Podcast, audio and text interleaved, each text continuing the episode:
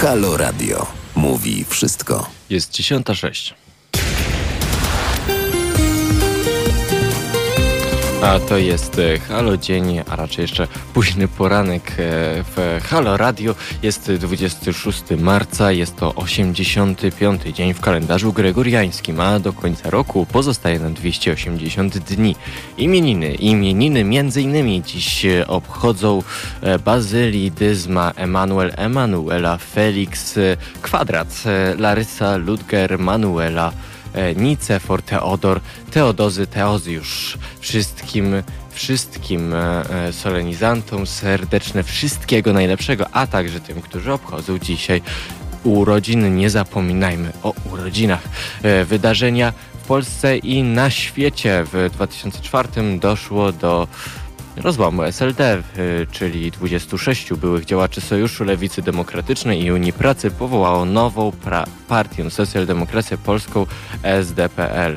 No już o tej partii raczej mm, niewiele słyszymy, przynajmniej pod tą nazwą. Premier RP Leszek Miller, Miller zapowiedział wtedy właśnie, że 2 maja poda się do dymisji. Czy to znana historia? No trochę znana, bo ostatnio mm, można powiedzieć, że mieliśmy lekką powtórkę z historii Mm, wydarzenia na świecie, co się działo na świecie. Ano między innymi e, w Grecji. Mm, Grecja przystąpiła do układu z Schengen, ale bez terytorium Atos, e, to trzeba zaznaczyć. No ale tak, można powiedzieć, że wtedy to właśnie oficjalnie w 2000 roku Grecja stała się częścią układu Schengen, a w dwa, i w tym samym dniu, w tym samym roku, w 2000 dalej, Władimir Putin wygrał w, dru- w pierwszej turze, przepraszam, wybory prezydenckie w Rosji.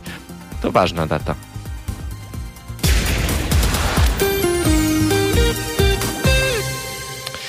Jest e, dziesiąta osiem. Paweł Cwalina. Halo, późny, późny poranek. Hmm, zaraz e, dzienni, zaraz E, zaraz koniec poranka, więc ja mam nadzieję, że to już jest e, dla Państwa również ostatni dzwonek, żeby jeśli, jeśli ktoś z Was jeszcze gnije w łóżku, no to żeby no, pora, pora się odgnić, bo um, wiosna, wiosna nadchodzi. Ja dzisiaj się czuję tak bardzo wiosennie. Proszę Państwa, jest e, fajna pogoda na dworze, mm, jest słoneczko, smog, no tylko lekki, e, więc e, jest prawie czym oddychać. E, na Marszałkowskiej pod dwójką mm, zgiełk wiosenny już dobiega do naszych naszych prze, jak to powiedzieć, o no właśnie, dzisiaj jest, no dzisiaj już nie, ale jest dalej przesilenie wiosenne. Właśnie chciałam powiedzieć przesilonych głów. Tak, no, więc dzisiaj będę się trochę plątał, dzisiaj będę trochę no, będę wiosenny, proszę mi wybaczyć, a jak nie, no to mm, trudno. E, nie obchodzi mnie to, bo jest wiosna, a ja się czuję dobrze. E, dzisiaj będzie dużo gości w naszym e, programie, w naszej audycji. A propos tej wiosny, tak mówiłem, no właśnie, no, w, we wios na wiosnę zaczynają kwitnąć kwiaty, zaczynają listki rosnąć, zaczynają pszczółki bzyczeć, e, zaczyna się budzić przyroda. E, no i właśnie o tym porozmawiamy z, z profesorem nauk leśnym, profesorem Jerzym Szwagrzygiem, dyrektorem Instytutu Ekologii i Hodowli Lasu na Uniwersytecie Rolniczym w Krakowie, a dokładniej porozmawiamy o społecznej mapie wycinek, inicjatywie Wspólny Las, więc to nie będzie wcale taki mm, bardzo pogodny temat, ale temat jak najbardziej należący do, można powiedzieć, takich porządków wiosennych. Trzeba sobie na wiosnę trochę uporządkować. Mm, porozmawiamy również o tym e, z, właśnie z aktywistką inicjatywy Wspólnego Lasu, z panią Anną Trade, mm, właśnie też o tej społecznej mapie wycinek, co ona może dla nas um, oznaczać. My tą mapę e, postaramy się pokazać. Jest przerażająca, powiem wam szczerze mało wiosennie wygląda. Mm, potem porozmawiamy, z, no zmienimy temat i to będzie już, to będą już ciężkie tematy, to raczej będą ciężkie działa, proszę Państwa. Um, no, dochodzą nas kolejne, kolejne doniesienia, przepraszam, e, kolejne doniesienia e, z teatrów, ze szkół teatralnych no niestety mobbing i molestowanie e, działo się, dzieje się nie tylko w Łodzi.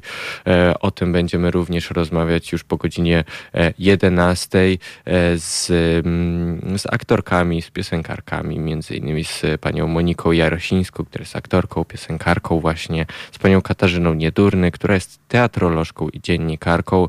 Mm, porozmawiamy o mm, no, o molestowaniu właśnie. To jest temat y, nieradosny.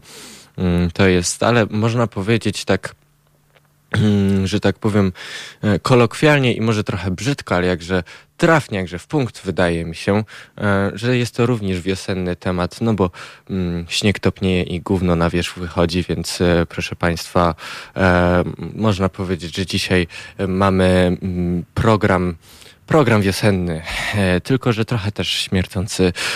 Profesor Tyl Krüger, profesor techniki, Politechniki Wrocławskiej, założyciel MOKOS-u, MOKOS Modeling Coronavirus Spread porozmawiamy o tym. To już jest ciekawy, bardzo ciekawy temat, taki już naukowy, no ale również bardzo aktualny, mm, bo o koronawirusie jednak e, naukowcy stworzyli zaawansowany model matematyczny, który symuluje ludzkie zachowania i pozwala oszacować aktualne tempo rozprzestrzeniania się wirusa, a tym samym ocenić na jakim etapie rozwoju jest epidemia.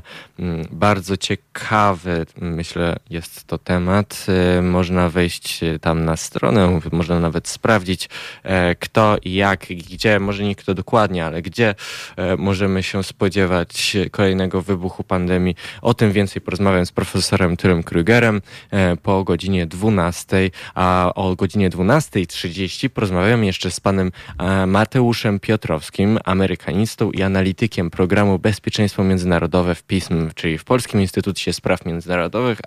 A o czym porozmawiamy? Porozmawiamy o Tajwanie, bo o czym innym, a raczej o kontekście amerykańsko-chińskim w tym całym, mm, no, no właśnie, konflikcie czy nie konflikcie. Zobaczymy e, ostrzeżenie amerykańskiego admirała. Ostatnio do nas e, doszło, że Chiny mm, no, mogą wkrótce zaatakować Tajwan. O tym więcej z Mateuszem Piotrowskim o godzinie 12.30, a tymczasem mamy już 10.13. O, późno, więc e, ja już się na chwilę rozłączam i zaraz do Was wracam.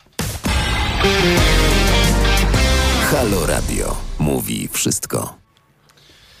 Chcemy mieć wpływ na to, co dzieje się z lasem. Jest 10.18, a ja, ja już przechodzę do tematu właśnie lasów, e, czyli um, akcja Wspólny Las w całej Polsce już się e, odbyła. To był Międzynarodowy Dzień e, Lasów 21 marca. Przepraszam, 21 marca Międzynarodowy Dzień Lasów i z tej okazji właśnie odbyła się inicjatywa Wspólny Las, e, czyli w ponad 80 miejscach w całej Polsce odbyły się wydarzenia zorganizowane przez lokalne inicjatywy obywatelskie. Jakie to inicjatywy? E, no, tego dnia będziemy spacerować, rozmawiać, chłonąć, bo to nas, e, to co nas łączy, to wspólny las, tak mówili wtedy przedstawiciele, przedstawiciele tych organizacji. Wszystkie te inicjatywy mm, były złączone mm, są łączone, bo one nie umarły właśnie. Dzisiaj będziemy rozmawiać z przedstawicielami jednej z nich. E, postulat ochronny, czyli żądanie priorytetowego traktowania funkcji społecznej i przyrodniczej w lasach ochronnych i podmiejskich oraz ochrony najlepiej zachowanych i najstarszych lasów, a także drzew o wymiarach pomnikowych. No i postulat obywatelski czyli oczekiwanie realnego udziału społeczeństwa w podejmowaniu decyzji o lasach. A dlaczego ja o tym mówię? Bo przecież mamy 26 marca, a nie 21. Ta akcja się już odbyła. Ano, odbyła się e, również dlatego, że lasy państwowe są, proszę Państwa, zagrożone. Powstała społeczna mapa wycinek. E, ta mapa jest e, zaznaczona prawie cała na czerwono. To są lasy państwowe, czyli nasze wspólne. Dlatego mamy prawo do rzetelnej informacji na temat tego, co się z tymi lasami ma dziać i jak one są zarządzane. E, tak e, mówią Marta Jagusztyn i Grzegorz Jakacki właśnie z inicjatywy Lasy i Obywatele, e, twórcy tej mapy wycinek, mapy wycinek pod tytułem Zanim wytnął twój las.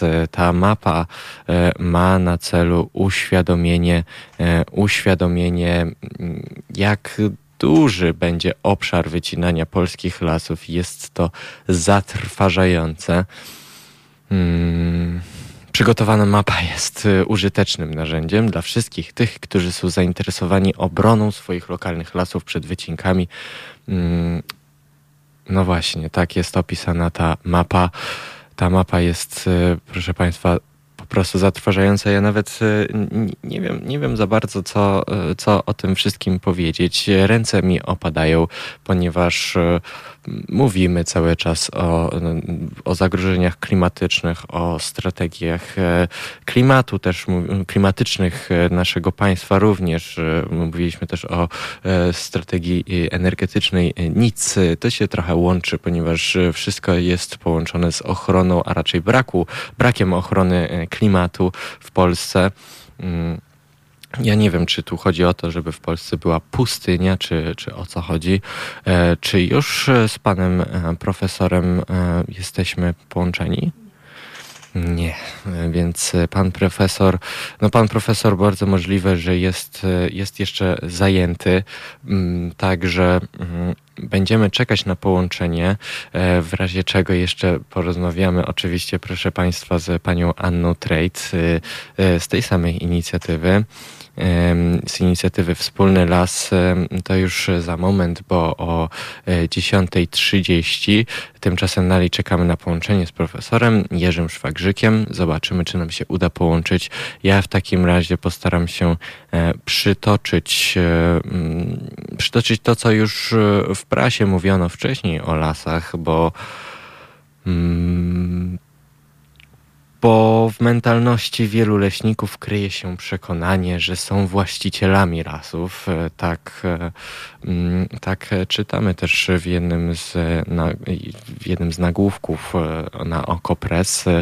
Lasy państwowe wciąż w niedostatecznym stopniu rozumieją, że są jedynie zarządcą lasów, a ich właścicielem jest całe społeczeństwo. Jeśli to społeczeństwo chce mieć na te lasy wpływ, to nie widzę powodu, dla którego mielibyśmy mu to ograniczać. Tak właśnie mówił profesor Jerzy Szwagrzyk z Wydziału Leśnego Uniwersytetu Rolniczego w Krakowie. Hmm, powiedzmy to wprost, mówi dalej. W mentalności wielu leśników jest ukryte prze, e, przekonanie, że są właścicielami e, lasów e, i leśnicy lepiej niż przeciętny Kowalski wiedzą, jak wyhodować las, bo są w tym kierunku kształceni. To, jaki ten las ma być, a przede wszystkim czym jest piękny las, to już jest poza kompetencją leśników, bo leśnictwo estetyką się nie zajmuje. O tym mogą i mają prawo współdecydować obywatele. O tym, czy obywatele współdecydują współdecydują. Mm, no właśnie, chcemy, chcemy bardzo porozmawiać z e, przedstawicielami e, organizacji inicjatywy Wspólny Las. Tymczasem mamy 23. E, 23. No mówię Państwu, jest wiosna. Po prostu e, mam e, mętlik, zawirowanie wiosenne w głowie. Jest 10.23, e, a już w zasadzie 24 po, więc e, mam nadzieję, że z panią Anną Trade uda nam się połączyć. Mm, więc już za moment do Państwa wracam.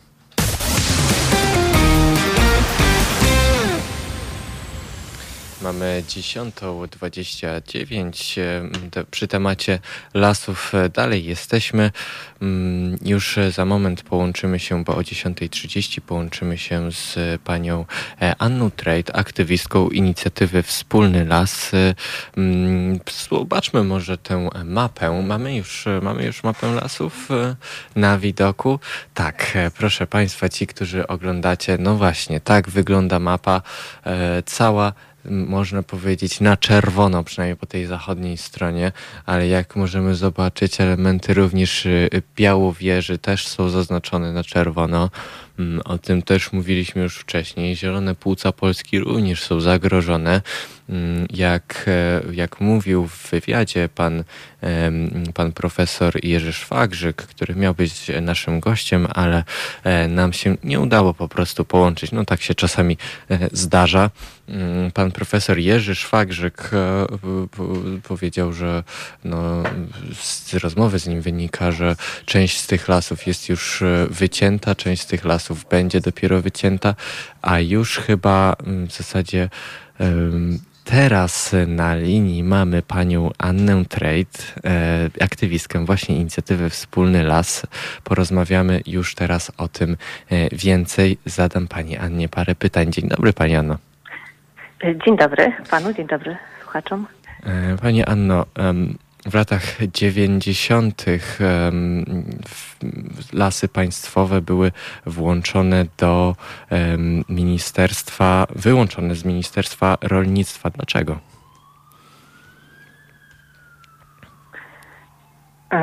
lasy Państwowe były wyłączone. Ja działam od niedawna, od roku e, mhm. w e, ruchach obywatelskich, dlatego całkiem dobrze pewnie tej historii. Dobrze, to w takim razie zadam, to zadam w takim razie inne pytanie. Czy to dobry pomysł, żeby lasy państwowe były teraz włączone do Ministerstwa Rolnictwa? Nie, to jest zły pomysł. Zresztą on już chyba upadł, gdyż E, lasy państwowe bardziej powinny być e, chronione, prawda? Ochrona przyrody powinna być nastawiona. Mhm. Nie powinna to wyglądać tak, jakby to miało być hodowla, prawda? Rolnictwo, uprawy. E, tylko jednak tutaj są również inne funkcje, nie tylko taka gospodarcza, hodowlana, tylko są też funkcje przyrodnicze i społeczne. Mhm powstała, mhm. e, powstała, powstała mapa e, właśnie, e, która jest cała czerwona, mapa Polski, polskich lasów, które mają być niebawem wycięte albo już są wycięte. Czy to oznacza, że czy, czy to będzie rzeczywiście tak pusto, jak ma być? Ponieważ no, oczywiście nowe lasy są sadzone. Ktoś by powiedział, że mm, no, w takim razie no, okej, okay, wycinają te lasy, ale sadzą nowe. Dlaczego, dlaczego to nie jest tak dobry argument? E, ta mapa powstała z inicjatywy Lasów i Obywateli, pani Marty Jagusztyn-Krynickiej, która również jest jedną ze współorganizatorków mhm. wspólnego lasu. E, no, na tej mapie są pokazane wydzielenia leśne, których przez 10 lat mają być prowadzone rębnie. Także mhm. ta mapa nawet nie, nie ma naniesionych tak zwanych czebieży, takich czyszczenia. Mhm pielęgnacji. E, no jest takie też powiedzenie, ile lasu mamy w lesie, że mm, do tak. lesistości włącza się również, e, prawda, te nowe nasadzenie czy też zręby, e, a jednak las bardzo długo rośnie, mhm. bardzo długo się odnawia, więc gołym okiem widać nawet takie plaski, które teraz lasy państwowe nanoszą, prawda, te, te wydzielenia, które były na tej mapie lasów i obywateli na czerwono, nanoszą na takie mapy satelitarne, gdzie widać te rębnie gniazdowe, które są po prostu takie placki, ja to nazywam, że trochę wygląda jak taki ser z mhm. dziurami. Mm -hmm.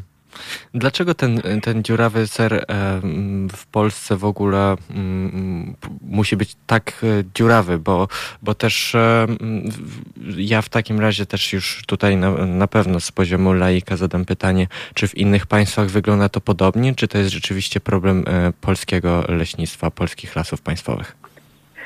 Nie, na pewno problem jest e, również e, międzynarodowy. Różne są struktury własności. E, mhm. W innych krajach jest większość lasów jest prywatnych, inaczej zarządzane. No, presja gospodarcza wszędzie jest, myślę, że równie wysoka i, i, i chęć zarobku. Mhm. Placki pokazują to jednak, y, jaką większością są lasy gospodarcze, prawda? Niecałe 2% chronimy tylko przyrody w naszym kraju parkami narodowymi i rezerwatami. Y, w pozostałym mm, terenie to w każdym dziesięcioleciu jest wprowadzony jakiś zabieg, czy to jest właśnie nasadzenia, czy to są y, trzebieże, czy rębnie, więc nawet jak sadzimy bardzo dużo sadzonek, mm. co roku na hektar jest to podawane bodajże 10 E, tysięcy, to dożywa takiego wieku rębności około 100 lat, to tylko 5%, więc e, to jest niewielki odsetek tego, co jest sadzone, prawda, bo tak wygląda mm. cały cykl e, jakby nasadzeń e, zaprojektowanych przez Lasy Państwowe. Ja leśnikiem nie jestem. Mm.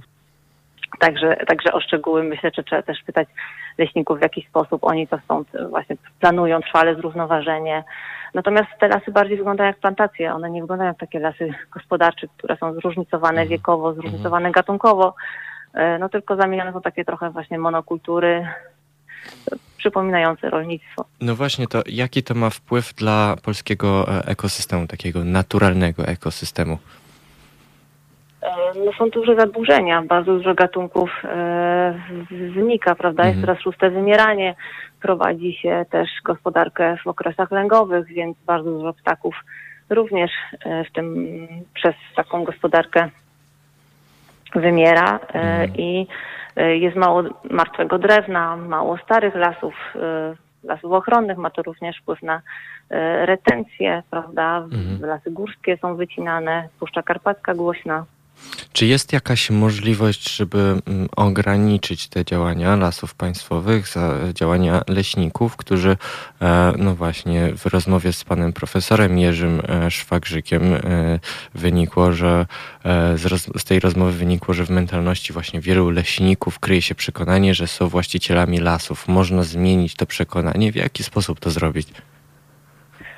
Mamy nadzieję, że można. Stąd zgłosiliśmy w, w naszej akcji Mhm. Wspólny Las postulat o włączenie społeczeństwa w realny e, dialog, Mhm. o ochronę również lasów e, podmiejskich, e, lasów ochronnych, lasów starych, drzew pomnikowych, z których korzystamy, bo trudno pogodzić te wszystkie trzy funkcje, które realizują lasy, funkcję gospodarczą, No tak. społeczną i przyrodniczą na każdym terenie.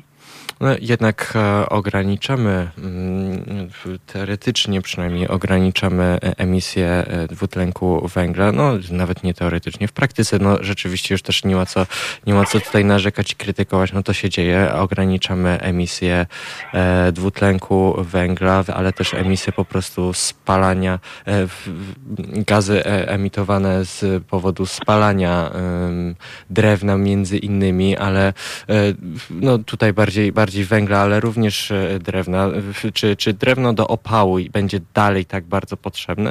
Bo wydaje mi się, że już, no już chyba nie, to tak na logikę rzecz biorąc. No miejmy nadzieję nie, natomiast ta ostatnia ustawa, która jakby e, dopuszcza prawda, spalanie e, biomasą drzewną, Tak. no wydaje nam się nie, niedopuszczalna, nie powinno coś takiego być, bo też jest to bardzo duże zanieczyszczenie również i no i e, może to skutkować wycinkami właśnie takich e, drzew starych, zamierających, które gospodarczo już nie mają wartości, natomiast w przypadku właśnie spalania Mhm. mogą mieć, dlatego alarmujemy, że to jest, nie, nie jest dobry trend. Czy obywatele, mm, czy obywatele i obywatelki mogą coś e, z tym e, sami robić? Czy, gdzie są e, te petycje, które możemy podpisać? Jeśli pani mogłaby nam przybliżyć, gdzie możemy znaleźć takie mm, dokumenty, pod którymi moglibyśmy się podpisać i wesprzeć inicjatywę? To petycji jest bardzo dużo, nawet jest Mhm. ostatnio taka petycja moratorium dla drzew, żeby w ogóle drzewa nie były wycinane. E, również Pracownia na Rzecz Wszystkich Istot e, dużo petycji e, wypuszcza na ten temat. My jako Wspólny Las nie mamy do tej pory żadnej petycji.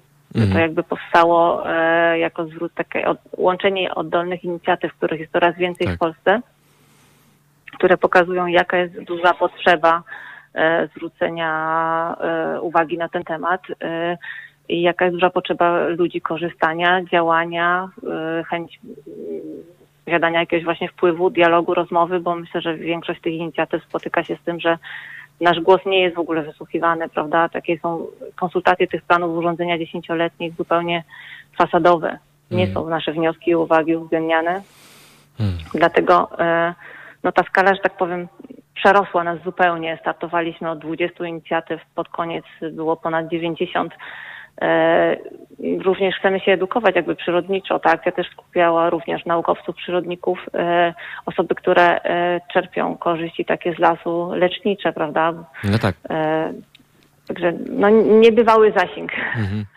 Niebywały zasięg. Miejmy nadzieję, że ten zasięg będzie się poszerzał, ale miejmy nadzieję też, że, że jakoś uda nam się powstrzymać te wycinki. Mam nadzieję, że Wam się też uda. Przede wszystkim rozmawialiśmy też o tym już w innych dniach na antenie Halo Radia o Puszczy Białowieskiej, o tym, że no nasza kochana Puszcza Białowieska, nasze płuca, zielone płuca Polski też e, będą, są wycinane. W zasadzie to już od paru lat e, ta sprawa jest e, aktualna. Komisja Europejska upomina się o Puszczę Białowieską. To w lutym się upominała. Polsce grozi nawet 130 milionów złotych kary. Czy Komisja Europejska ma realny wpływ na to działania? Czy można z nią współpracować w tej sprawie? Sprawie? No myślę, że gdyby nie Komisja Europejska, to yy, nie zaprzestanąłby wycinek, prawda, w hmm. roku 2018-2017. No ale jednak. Kiedy trwały takie. Mhm. Tak? A jednak te wycinki e, zostały wznowione. E, znaczy teraz uchwalono mhm. aneksy do puli, tak. bo w tym momencie nie ma obowiązującego planu urządzenia lasu dla Puszczy Białowieskiej, gdyż on został zakwestionowany prawda, przez Unię -hmm. Europejską, y, więc y, na zasadach aneksów to działa. No, to jest rzecz, wydaje mi się, zupełnie niezrozumiała, mm. gdyż jednak większość nawet też naukowców, przyrodników uważa, że no, Puszcza Białowieska powinna być cała parkiem narodowym i upieranie tak. się żeby na prowadzeniu tam gospodarki jest rzeczą, która nie dość, że psuje e, obraz leśników. E, hmm. No jest to no, wręcz działanie wiele zbrodnicze. kontrowersji, wiele konfliktów. No jest to działanie tak. Bo y, ja w zasadzie powiem pani tak szczerze już tak od siebie, ale też od serca naprawdę, jak, jak naprawdę, no nie wiem, miałem z 5-6 lat, ja do dzisiaj pamiętam jakie wrażenie na mnie zrobiła Puszcza Białowieska, która wyglądała jak żaden inny las, który, który widziałem do dzisiaj. E, te, ta gęstość tego, tego lasu, bo, bo to powietrze jest gęste, ciężkie w takim, w takim starym lesie, w takiej starej puszczy, te powalone naturalnie, naturalną drogą drzewa, które pruchniały, to było coś niebywale pięknego, więc kiedy, kiedy usłyszałem parę lat e, później, że Puszcza Białowieska ma się no ma być e, częściowo może, ale można powiedzieć tak już nawet nie w cudzysłowie, likwidowana po prostu, usuwana z ziemi w otchłań, e, to, mm, to naprawdę chwyciło mnie to za serce. Ja mam nadzieję, że, mm, że Państwa, słuchacze i słuchaczki e, serca też e, udało się jakoś tym tematem uchwycić, bo kochani, no to, jest, to jest sprawa wagi e, dużo większej niż nam się mogłoby wydawać. Tu chodzi o cały klimat. Klimat już e, nie tylko polski przecież, to jest klimat Europy, to jest klimat e, świata. Wycinki lasów są prowadzone generalnie już no, też nie tylko w Polsce, ale my jako obywatele i obywatelki Polski możemy się też zaangażować w blokowanie tych zbrodniczych projektów wycinania, tych aneksów również czyli te, e, pomysłów na omijanie prawa europejskiego. Mm, moją i Państwa gościnią była pani Anna Trejc z inicjatywy Wspólny Las. Dziękuję Pani bardzo. E, dziękuję również. Również mam nadzieję, że Puszcza Białowieska będzie parkiem narodowym. Dokładnie, a miejmy nadzieję, że e, inne lasy też e, nie będą tak masowo wycinane, że mm, polscy leśnicy zrozumieją, że lasy należą do wszystkich obywateli Polski, a tymczasem mamy już 10.43 na naszych zegarach, więc już za moment wracam do kolejnej części programu.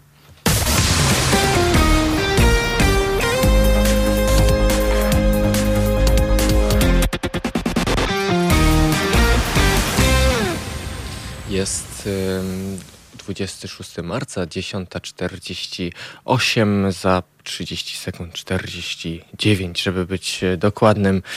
A z ostatnich newsów, z, z newsów z wczoraj jeszcze wieczorem, ale jakże jakże emocjonującego. Polska-Węgry 3-3.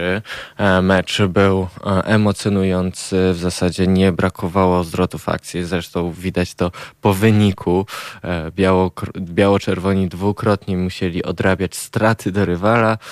Ostatecznie wywalczyli punkt dzięki bramce no, no Roberta Lewandowskiego, kogo by tam innego. Mm, ale, ale Mm, to nie jest tak, że mm, to tylko Robert Lewandowski strzelał. E, z, z bramkę strzelił na początku Salaj, potem Szalaj, e, więc było już 2-0 Węgry-Polska. Mm, dla Węgier, ale później e, Piątek odrobił w 60 minucie, w 61 zaraz później Jóźwiak, no później e, Orban strzelił w 78, mm, a następnie właśnie w 83 minucie Robert Lewandowski strzelił ratingi są, no, ratingi bramkarza Szczęsnego są no, słabe, 1-3, ale na przykład, y, na przykład najwyższy, no najwyższy oprócz Roberta Lewandowskiego wynik otrzymał e, Kamil Glik, e, Piotr Zieliński również z wysoką notą, ale e, z, no, z rezerwowych e, to Jóźwiak właśnie, który strzelił bramkę i Piątek, no oni mają najlepsze wyniki. Jóźwiak 5,2, e, Piątek 4,8. To jest e, oczywiście według, według mm, oceny, według kryteriów Interi, czyli ocena od 0 do, od 0 do 6 Um, no ale z takich, to był taki przerywnik, bo niestety musimy wrócić do wiadomości koronawirusowych. Um, 35, e, tak? Tak, 35 143 nowych i potwierdzonych przypadków zakażenia koronawirusem e, na dzień 26 marca. No, rekordowa liczba. Znowu rekordowa liczba. Przestrzeganie obostrzeń, a szef policji zapowiada zdecydowane represje wobec tych, e, ale oczywiście wobec tych, którzy nie przestrzegają obostrzeń.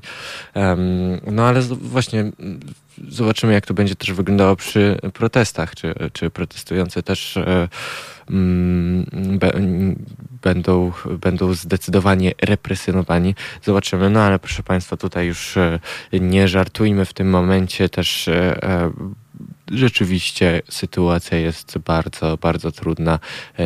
Powinniśmy być bardzo odpowiedzialni w tym momencie.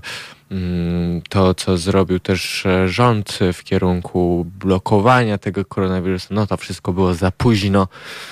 Mm, teraz e, odpowiedzialność leży po stronie obywateli, no po stronie rządu też, ale, ale jak też podają e, badania różne, zresztą prognozy, o prognozach koronawirusa, rozwoju koronawirusa będziemy rozmawiać w późniejszej części programu z profesorem Tylem Krugerem o 12.15, ale zanim do tego dojdziemy, to jeszcze tylko powiem, że po prostu mm, prognozy na koronawirusa w Polsce e, mówią, że te obostrzenia w zasadzie no, zostały wprowadzone za późno mm, i nie bardzo możemy powstrzymać e, tą trzecią falę. Możemy ją tylko ewentualnie troszeczkę załagodzić, no ale gdzie tu mówić o złagodzeniu, kiedy mamy 35 tysięcy nowych zakażeń? E, premier Morawiecki powiedział, że brakuje nam personelu, a ten personel, który jest w rezerwie i mógłby, e, mógłby być włączony do walki z koronawirusem, no co?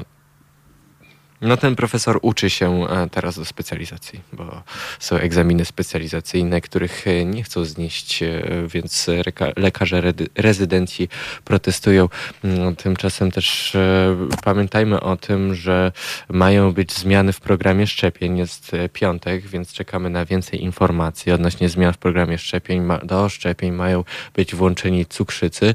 Niewykluczone również z nieoficjalnych informacji wynika, że niewykluczone, że młodzi również będą e, szczepieni w trybie przyspieszonym. Jak już wiemy, koronawirus zaczął atakować również młodsze grupy wiekowe, więc trzymajmy kciuki nie za koronawirusa, tylko za rządzących. No, musimy trzymać kciuki za rządzących w tej kwestii, bo no oni mogą nam pomóc najbardziej, oni mają największą siłę sprawczą w tej sprawie. A tymczasem mamy 10.54 e, na naszych zegarach, więc e, już niedługo, już za 5 minut prawie mm, wiadomości. Po wiadomościach pogoda, a po pogodzie wracamy do e, programu. Mm, jeszcze tylko powiem do dokładnie jakiego tematu, a no tematu bardzo ważnego, tematu dalej aktualnego według mnie mm, i według wielu, wielu, wielu ludzi, wielu osób, wielu osób pokrzywdzonych, ale też wiele osób, e, które powinny być świadome, co się dzieje w teatrach, e, co się dzieje w szkołach teatralnych, co się dzieje w e, sferze, e, no ktoś by powiedział tylko kulturalnej, a ja bym powiedział, że no nie tylko po prostu na uczelniach, gdzie starsi wykorzystują młodszych, czyli w tym wydaniu dzisiaj, w wydaniu akademickim, czyli profesorowie wykorzystują studentów, studentki. Mm, jest to karygodne, jest to jest to poniżające, dehumanizujące człowieka, jest to po prostu coś, co coś, czego nie powinno być w ogóle. I o tym porozmawiamy więcej z mm, panią Moniką Jarosińską, aktorką i piosenkarką oraz z e, panią Katarzyną Niedurny, z teatrolożką i dziennikarką, która również e, z dziennikarką, która się przyczyniła do nagłośnienia mm, tych e, patologii. Ale o tym więcej o 11.15 porozmawiamy. Mm, a tymczasem już mamy 10.55, więc za 5 minut wiadomości. Halo Radio mówi wszystko. Jest 11.06.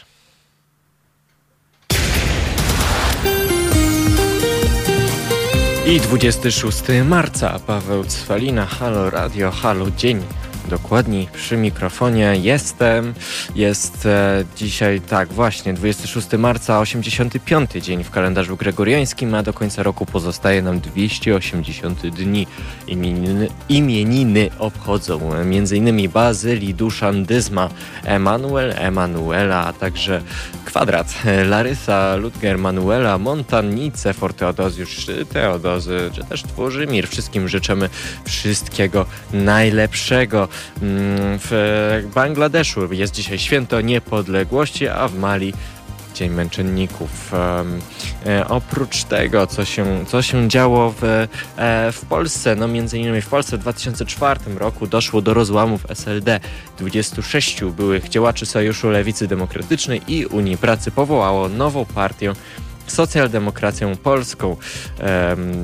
No, partia z Markiem, e, z Markiem Borowskim na czele e, kwestionowały działania ówczesnego Sojuszu Lewicy Demokratycznej. Raczej już nie słyszymy o tej partii dzisiaj. Premier RP Leszek Miller w tym właśnie czasie tego dnia zapowiedział, że 2 maja poda się do dymisji, a w roku 2000, no co się stało? No Władimir Putin został e, prezydentem.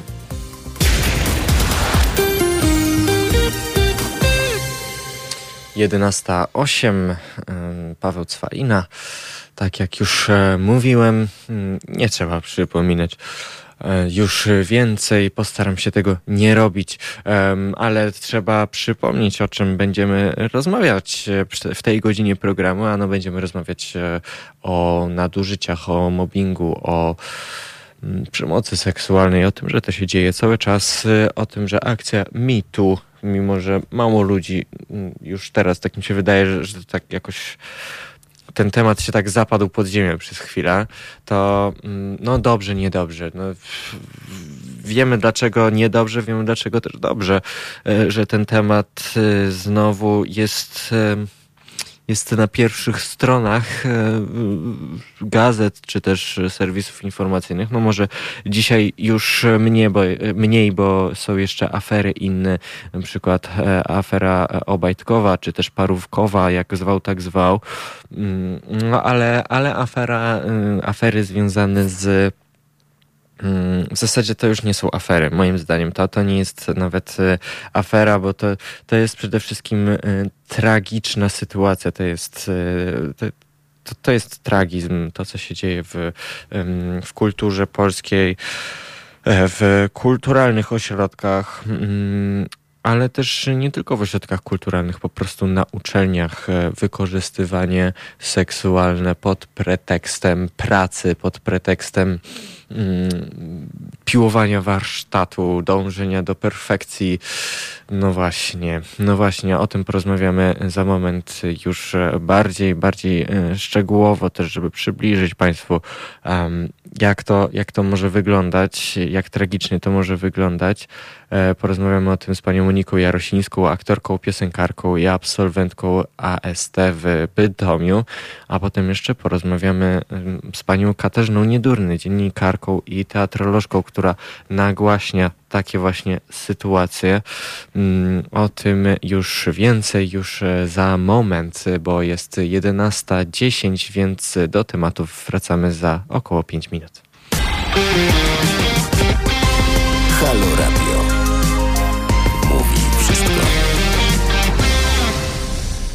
Jest 11.15. Mm, już teraz na antenie Halo Radia e, moją i Państwa gościnią jest e, pani Monika Jarosińska, aktorka, piosenkarka i absolwentka AST w Bytomiu. Dzień dobry pani Monika. E, dzień dobry. Z tą piosenkarką to bym nie przesadzała, ale tak, jestem jeszcze na piątym roku Wydziału Teatru Tańca w Bytomiu. Ale śpiewała pani. Eee, nie wiem skąd ma pan tę informację. No to w takim razie, to w takim razie już, już koryguję. Aktorka i absolwentka, czy, a, a czy absolwentka jest prawidłową informacją? Y, jeszcze nie, jeszcze okay. jest przede mną praca magisterska. To w takim razie, to w takim razie e, studentka piątego roku AST w Bytomiu. Już poprawiamy najmocniej, przepraszam. Um, poroz chcieliśmy porozmawiać o przemocy seksualnej na uczelniach artystycznych, e, ponieważ e, ten temat, no niestety, mm, niestety dalej jest aktualny, ale stety mm, powinniśmy go nagłaśniać z badań, które w 2014 roku przeprowadziła Fundacja Ster wynika, że co trzecia kobieta doświadczyła jakiejś formy molestowania, przemocy seksualnej, słownej, fizycznej, niechcianego kontaktu, a co piąta gwałtu nawet, więc e, to są bardzo bardzo mroczne i smutne mm, e, wyniki badań. Mm, pani Moniko, jak, e, jak to wygląda na uczelniach właśnie artystycznych? Czy, czy to można porównać tę, tę sytuację w innych uczelniach do tych sytuacji, które działy się, które zostały ostatnio nagłośnione, nagłośnione przez panią Annę Paligę e, z Łodzi? E, to znaczy, mm, tak, to jest prawda, że na, na uczelniach artystycznych dochodzi i mhm. do E, przekroczeń, e, jeśli chodzi o molestowanie e, seksualne, ale też jeśli chodzi o przemoc psychiczną. Mhm. Oczywiście też warto mm. pamiętać, że że to nie jest 100% przypadków. Tak naprawdę nagłaśniane są te przypadki, które, których dotyczą te tak. przekroczenia. Natomiast też ja to widzę tak, że mm, środowisko teatralne mm. to nie jest wyodrębniony przypadek. To jest tak naprawdę Teraz no tak. zaczęło się po prostu mówić w tym środowisku, ale to jest tak naprawdę można to przełożyć na, przełożyć na wszystkie inne dziedziny. Mhm. E, wydaje mi się, że różnica polega na tym, że za sprawą ruchu MeToo, który tak. jakby dotarł teraz do nas, do Polski, zaczęto o tym mówić i to nie jest tak, że to się teraz nagle dzieje, tylko Oczywiście. teraz o tym zaczynamy rozmawiać i zaczynamy się uczyć rozmawiać. I, I dobrze w zasadzie, wydaje mi się, że dobrze. No to jest jakiś taki pierwszy bardzo ważny i duży krok e, ku zmianom. Czy te zmiany już widać e, na, e, na uczelniach, na przykład w Bytomiu? Mm, nie mogę powiedzieć, że od razu je widać. Mhm. My, wydaje mi się, że wszyscy, nie tylko w Bytomie, jesteśmy, w ogóle jako społeczeństwo, jesteśmy w takim bardzo ważnym momencie, kiedy te zmiany się dokonują. Wydaje mi się, że w tym momencie jesteśmy, tak jak też widać zresztą na e, mediach społecznościowych, że przetacza się po prostu ogromna fala świadectw y, y, dokonanej tak. krzywdy. Pokaz, ukazują się też przeprosiny e, sprawców przemocy, więc na razie jesteśmy na etapie mm, nazywania problemu. mhm. konkretnie, ale też już tworzą się samoorganizacje i tworzą się konferencje, które mają stworzyć kodeks dobrych praktyk i, i wdrożyć takie rozwiązania systemowe. Z tego co wiem też już mhm. Akademia Teatralna chyba w Polsce była takim um, przodownikiem, jeśli chodzi o takie dobre zmiany, bo y, odbyła się już chyba w y, tamtym, półtora roku temu, jeżeli się nie mylę, mm. konferencja Zmiana Teraz, gdzie właśnie ten temat był poruszany, y, a teraz jest już ogłoszona, że będzie chyba w maju konferencja Granice w Teatrze i ona jest współorganizowana przez, y, przez AST krakowskie, mhm. Y, ale szykuje się druga, y, druga edycja zmiany teraz w Warszawie. Więc, więc tak, już te systemowe, już te kodeksy mhm. etyki są albo ulepszane, procedury są ulepszane, bo one powstały, mhm. tylko mm, różnica też polega na tym, że te procedury zaczną działać skutecznie, jeżeli zmieni się świadomość. Bez tej świadomości te procedury nie będą działały same z siebie. No właśnie, świadomość jest tutaj ważna. Świadomość też tego, że no już e, w zasadzie dawno powinno być to zmienione, a, a, oczywiście no teraz czasy się zmieniły. Słowo patriarchat jest coraz częściej e, używane i coraz częściej e, znane. Czy to właśnie wynika z patriarchatu, czy wynika na przykład też z jakiejś mm, mm, manii e, wielkości, jakiegoś kompleksu wyższości, ponieważ jak czytamy w tych wszystkich doniesieniach, przy tych wszystkich sytuacjach, głównie mm, chodzi o jakieś wyższe y, czy silniejsze stanowisko? Czy to jest, mm, z czego to wynika mm, przede wszystkim, że, że te sytuacje się dzieją?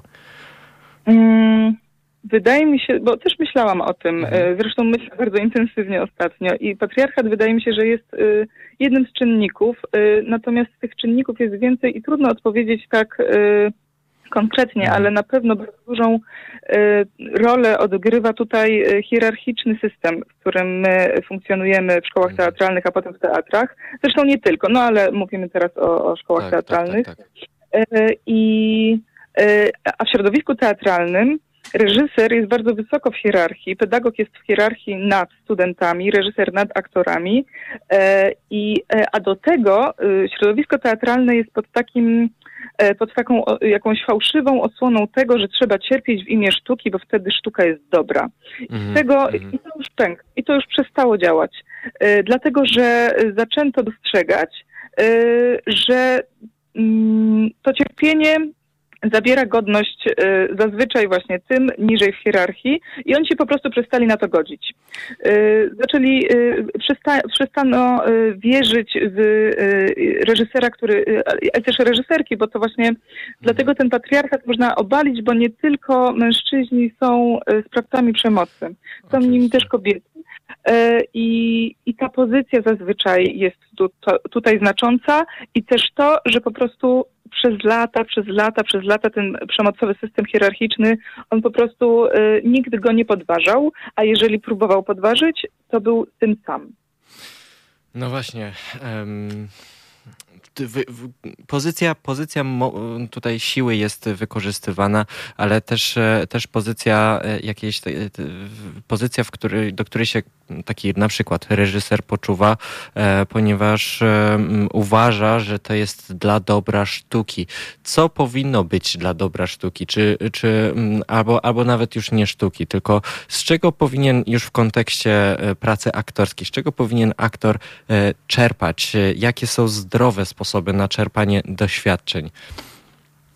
Y, kurczę, nie mogę teraz te, podać jakby jednego złotego przepisu, ale na, jestem pewna, że można czerpać z bardzo różnych rzeczy, ale przede wszystkim zasadą powinno być to, y, że nikt y, w tym procesie nie, cie, nie, nie, nie ucierpi, nie, nikomu mhm. się nie stanie krzywda.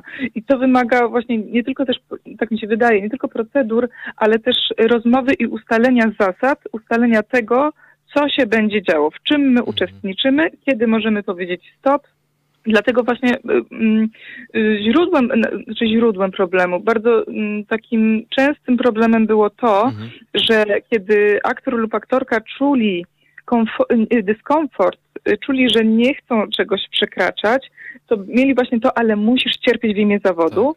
E, I bardzo ważne jest to, żeby się nauczyć komunikować to, że y, i umieć reagować jasno, dać sobie do tego prawo, y, że, żeby powiedzieć, mm, słuchaj, może się na to umawialiśmy, ale ja czuję teraz, że to nie jest dla mnie okej. Mhm. E, spróbujmy innym sposobem, bo nie ma jednego zł- złotego środka, nie ma jednej metody, którą trzeba używać i wtedy będzie dobrze. Każdy aktor, każdy artysta jest indywidualny i Tak. można docierać do niego na różne sposoby, a on jest naj, najbardziej wtedy wydajny, naj, ym, najpiękniejsze rzeczy wychodzą, najbardziej skuteczne, kiedy czuje się y, komfortowo.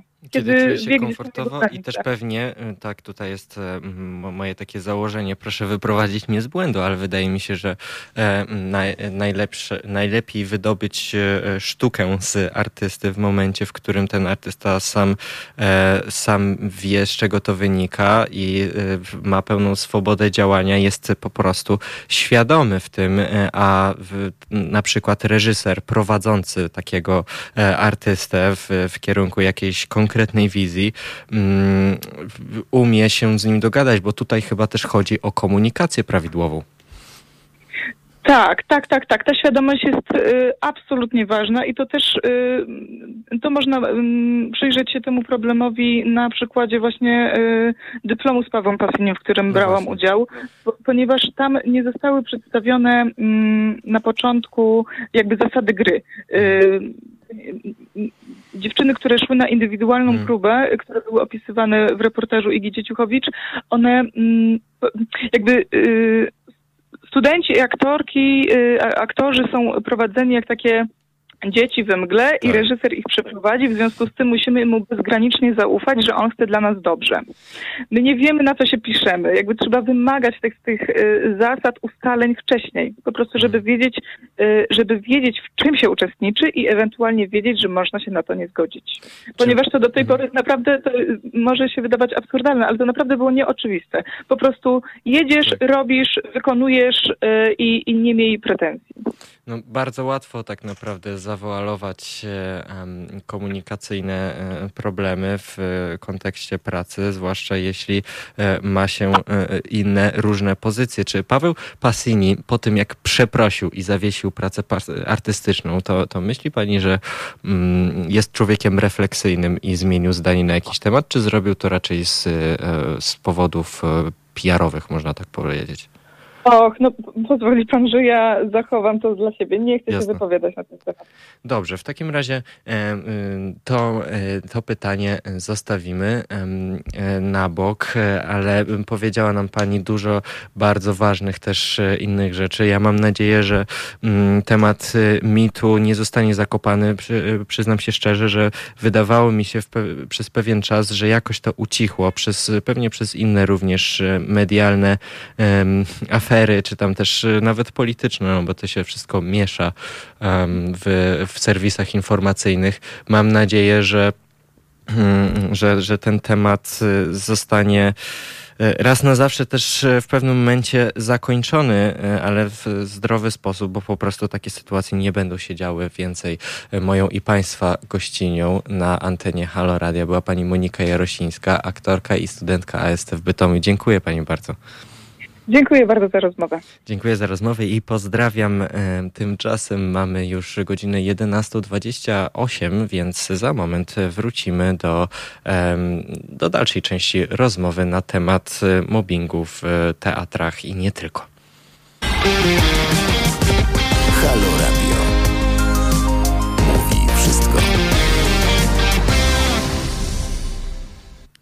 Jest e, godzina 11.34 na naszych i waszych e, zegarach, a już teraz na naszej antenie e, gościnią programu jest pani Katarzyna Niedurny, teatrolożka i dziennikarka, autorka również artykułów na temat molestowań aktorek i nadużyć, nadużyć w teatrach. Dzień dobry pani Katarzyno. Dzień dobry. Rączka. Na taki, tak, taki miał tytuł artykuł w dwutygodniku. Mm, no właśnie, o czym, o czym jest ta rączka? Cytat tutaj przytoczę. Erwinie, kochany, nie pamiętam, czy mam umowę, w umowie tę rączkę w spodniach, czy nie mam w umowie. Zapadła cisza. Rączka się po chwili wysuwa. On mówi, ja też nie pamiętam. No jest to oczywiście anegdotka, raczej w takiej narracji mm, wesołej, ale rysuje tutaj pewien większy, dużo, dużo większy problem, który, który tak naprawdę świadczy o no właśnie, o czym, o czym to świadczy? Czy to świadczy o po prostu luźnej obyczajowości, czy świadczy o braku barier? Mhm.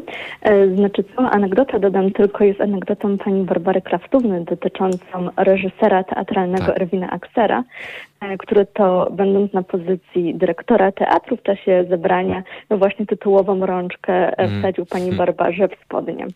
E, I jakby zaczynam od tego, od tej anegdoty też dlatego, że ona, no właśnie, jakiś czas temu, tuż przed ujawnieniem afery związanej z Pawłem Passini, czyli w tamtym tak. okresie się pojawiła na fanpage'u który załóżmy nazywał się ciekawostki teatralne, coś, mm. coś w tym stylu. E, I dla mnie to był taki idealny punkt wyjścia do zaczęcia tego mhm. tekstu, mm.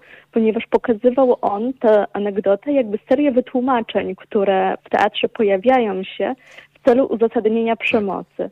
I te wytłumaczenia e, pojawiają się w e, formie no to jest takie środowisko artystyczne. Tak. Oni tak mają, mm. prawda? Albo też e, mówiący o jego przekraczaniu barier w czasie pracy artystycznej, które e, w dodatku jakby podkreślają, że e, skoro wszyscy się dobrze bawili w domyśle, kiedy ta rączka tak. spodniach się pojawiła, to przecież nic się nie stało. E, więc mam takie mm. wrażenie, że zawsze, gdzie pojawia się ta przemoc, zawsze, gdzie pojawia się e, to molestowanie, idzie za tym e, milion bardzo wygodnych dla wielu osób wytłumaczeń, tak. które mają jakąś tą przemoc normalizować i wskazywać, że no przecież oni tak mają. No i Hmm. Oczywiście zmieniło się trochę od czasu e, opowieści e, pani Kraftówny i od tego czasu, kiedy ta historia się wydarzyła. Tak, czasy egzotycznego jednakowoż... PRL-u, tak pani to określiła w artykule. Tak tak, tak, bo to też jedno z tych wytłumaczeń, mm -hmm. które, się, które się pojawiło, mm -hmm. ale jednocześnie e, jakby mamy nowe wytłumaczenia i tych wytłumaczeń jest bardzo, bardzo dużo. Jak tłumaczył się Paweł Passini, bo on przecież przeprosił, nawet e, zrezygnował z, um, zawiesił swoją działalność teatralną. Jak, czy, czy, to, mm -hmm. czy to było wystarczające, ponieważ wydaje mi się, że no nie wiem, przeprosiny tak okej, okay, ale, ale po fakcie już, tak czy siak, po fakcie. To, to, jest, to jest, wydaje mhm. mi się, dalej za mało. Znaczy tak, oczywiście, że to jest za mało i ja akurat tutaj tego pewna nie jestem, ale tego co pamiętam, e, artykuł też dotyczący Pawła Pessiniego mhm. mówił o tym, że sprawa też nabrała, że tak powiem, e, jakby weszła na taką ścieżkę prawną, więc mhm. dalej tam się będą wydarzać rzeczy, które już e, będą związane jakby z orzecznictwem sądowym i tak, tak dalej, i tak dalej. No i oczywiście Oczywiście, że przeprosiny to za mało, tak? Mhm. Znaczy przede wszystkim trzeba było pomyśleć w trakcie procesu i w trakcie, w trakcie prób, szczególnie w szkole teatralnej, która powinna być jeszcze dodatkowo takim ochronnym miejscem dla swoich studentów, jak teraz się przekonujemy, nie jest. Mhm. E, ale mam takie wrażenie, e, i ono jakoś e, jest we mnie głęboko, że ten system jest tak stworzony, że osoby, które e, są na tej pozycji władzy i z niej korzystają, to znaczy mm. Paweł Passini, jakby w trakcie rzeczywiście nie czują tego, że to jest przemoc, czy jakby dają sobie bardzo dużo uprawnień do tego, że tę przemoc mogą uprawiać w imię, no właśnie, sztuki. No właśnie, w imię sztuki, tutaj przemoc w imię sztuki, tam przemoc w imię e, biznesu, bo tutaj e, przy, przypomniała mhm. mi się historia, dalej w zasadzie aktualna jeszcze, Obajtka z afery Obajtkowej, który tak naprawdę, rozmawiałem z panem Mirosławem Oczkosiem, doskonałym ekspertem w sprawie, mm, w sprawach marketingu politycznego i on również powiedział coś bardzo podobnego, że tu chodzi również o zachłyśnięcie się władzą. E, wtedy żartowaliśmy sobie, że pan Daniel Obajtek zachłysnął się orlenowską parówką mhm. po prostu i, i w tym momencie, no właśnie, czy tu też chodzi o to przysłowiowe zachłystywanie się władzą? Powiedziałabym tak, ten system teatralny i też system szkolnictwa teatralnego jest tak ułożony i tak stworzony, że zachłysnąć się jest bardzo prosto. Mhm.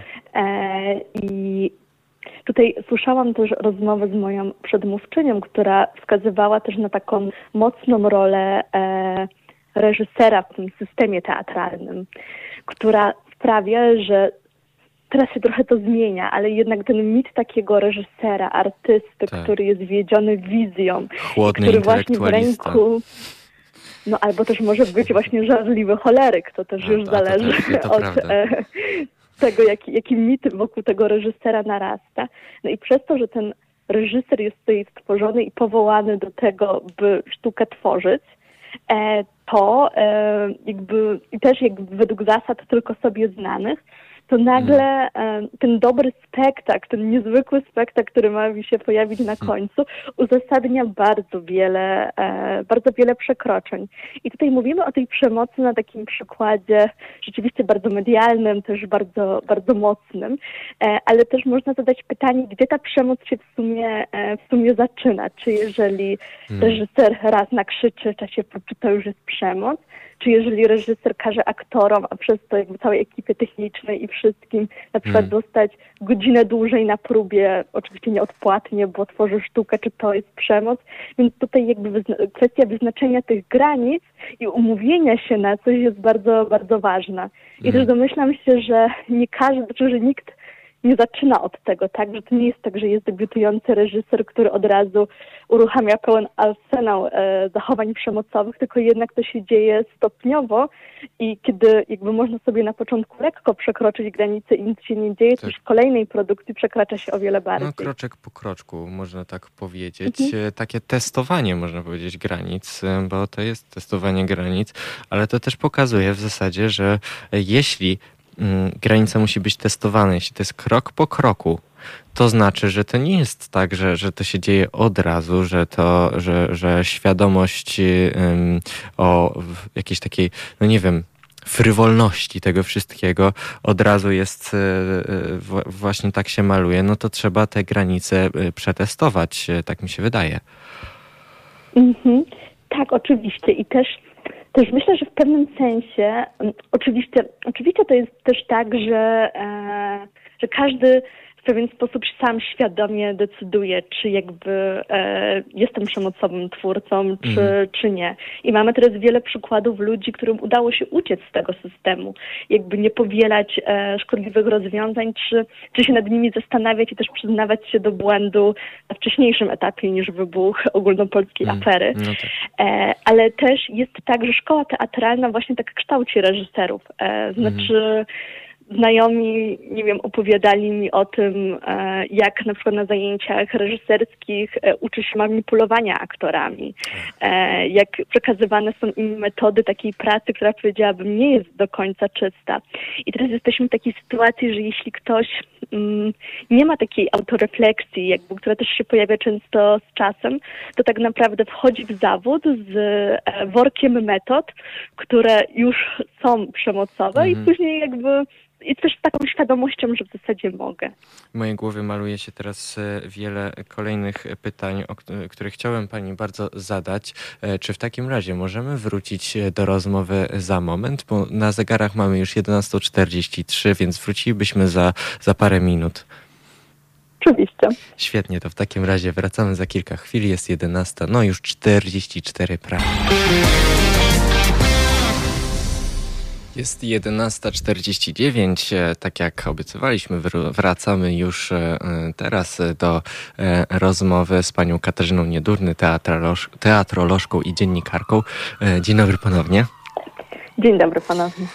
Rozmawialiśmy o, mm, o pozycji, o pozycji władzy, ale też o, o, o powodach, e, e, dla których również takich kulturowych można powiedzieć, e, mm, dla których te, te zjawiska molestowania występują. A ja w poprzednim wejściu miałem takie przemyślenie, pozwoliłem je sobie zostawić na teraz, że mm, problemem jest tutaj też ta tak zwana metoda E, metoda aktorska, ponieważ e, często, często się mówi o tym, że jakiś aktor przygotowywał się e, do roli używając, korzystając z metody. Czym, czym jest metoda? Bo, bo mówi się o aktorach metodycznych. Ojej, to jest e, dość skomplikowane pytanie, ponieważ myślę, że tak naprawdę e, metody nie ma jednej, mhm. która e, jest obowiązująca w całym polskim systemie, e, systemie teatralnym. E, na pewno mhm. tych metod jest tylu, ile, ile aktorów. Pytanie brzmi, które można by zadać, na ile ta mhm. metoda rzeczywiście jest ich, na ile ta metoda pozwoli i pozwala im tworzyć rolę bez szkody dla siebie, a na ile ta metoda pracy jest im narzucona przez, e, przez reżysera, przez instytucję, w której, e, w której pracują e, i na ile ta metoda przekracza ich granice. I powiedziałabym tak, że tutaj różne, każdy jakby wybiera swój sposób i każdy wybiera swój sposób hmm. pracy, e, byleby jakby e, metoda pracy nie wiązała mhm się właśnie z przemocą na, na różnych, różnych stopniach. Tutaj, tutaj na myśl przychodzi mi postać, bo mówiliśmy też o wręcz mitycznej postaci reżysera e, w mhm. niektórych sytuacjach. No i przypomina mi się wielki reżyser Stanley Kubrick, e, który przy, e, była znana, znana historia. On w zasadzie do końca nie odpowiedział za to. Wykorzystywał aktorkę na planie filmowym Lśnienie, w którym po prostu traumatyzował mhm. ją, więc często często te ujęcia, które tam widzimy, one nie są nawet już e, grą aktorską. Rzeczywiście widzimy tam przerażoną i straumatyzowaną aktorkę. To jest straszne.